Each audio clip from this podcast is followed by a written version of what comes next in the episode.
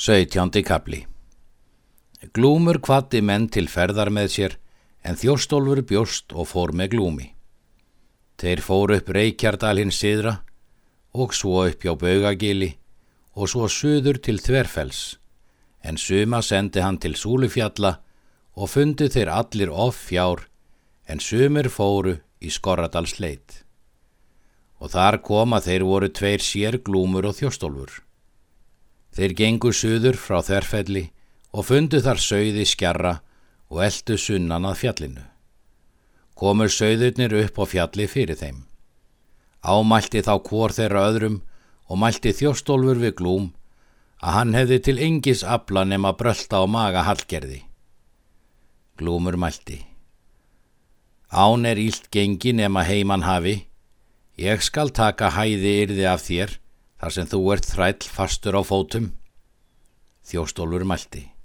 Það skal þú eiga til að segja að ég er eigi þræll því að ég skal hvergi undan þér láta. Þá reytist glúmur og hjó til hans með handöksi en hann brá við sinni öksi og kom í fetan og beiti ofan um tvo fingur. Þjóstólfur hjó þegar í móti með öksi sinni og kom á ökslina og tók í sundur axlarbeinið og viðbeinið og blætti inn úr sárinu. Glúmur greip til þjóstóls annari hendi svo fast að hann fjall við. Glúmur mátti ekki halda því að dauðin fór á hann. Þjóstólfur huldi ræ hans með grjóti og tók af honum gullring. Hann gekk þar til er hann kom til varmalækjar, Hallgerður var úti og sá að blóðug var auksinn. Hann mælti. Egi veit ég hversu þér mun þykja. Ég segi þér víg glúms. Þú mun því valda, segir hún. Svo er, segir hann. Hún hló að og mælti. Egi ertu engi í leikinum. Hvert ráð sérðu fyrir mér nú, sagði hann. Farðu til hrúts föður bróður míns, segir hún, og sjáu hann fyrir þér.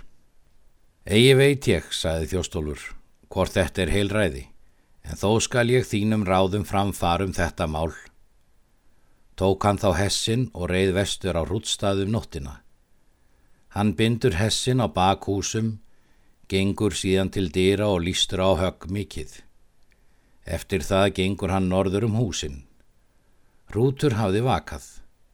Hann spratt upp skjótt og fór í treyu og kifti skóm á fætur sér tók upp sverð sitt.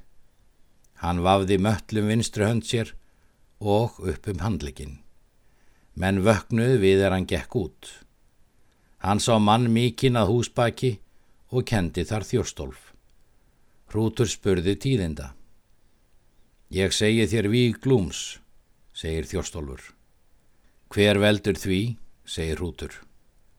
Ég vó hann, segir þjóstólfur. Hví reist þú hingað, segir Rútur. Hallgerður sendi mig til þín, segir Þjóstólfur. Egi veldur hún þessu þá, segir Rútur og brá sverðinu. Þetta sá Þjóstólfur og vildi eigi verða setni og höggur þegar til Rúts. Rútur brá skjótt undan höggvinu og laust vinstri hendi utan á hlýr öksinni, svo snart að öksin hraut úr hendi Þjóstólfi. Rútur hjó með hægri hendi á fót þjóstóls fyrir ofan gnið, svo að litlu lotti við og hljóp að honum í því og hratt honum hart.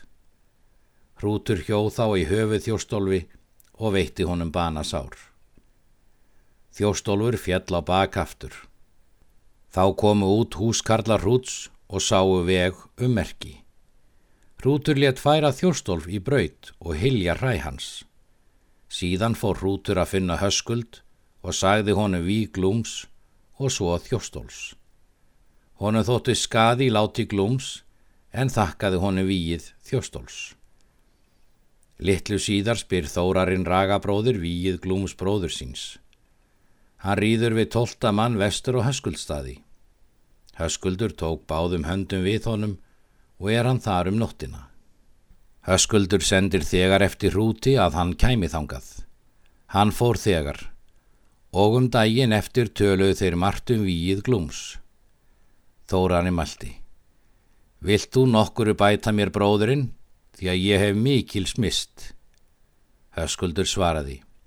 Egi draf ég bróður þinn og eigir ég dóttir mín honum bana, en þegar hrútur vissi þá draf hann þjóstólf.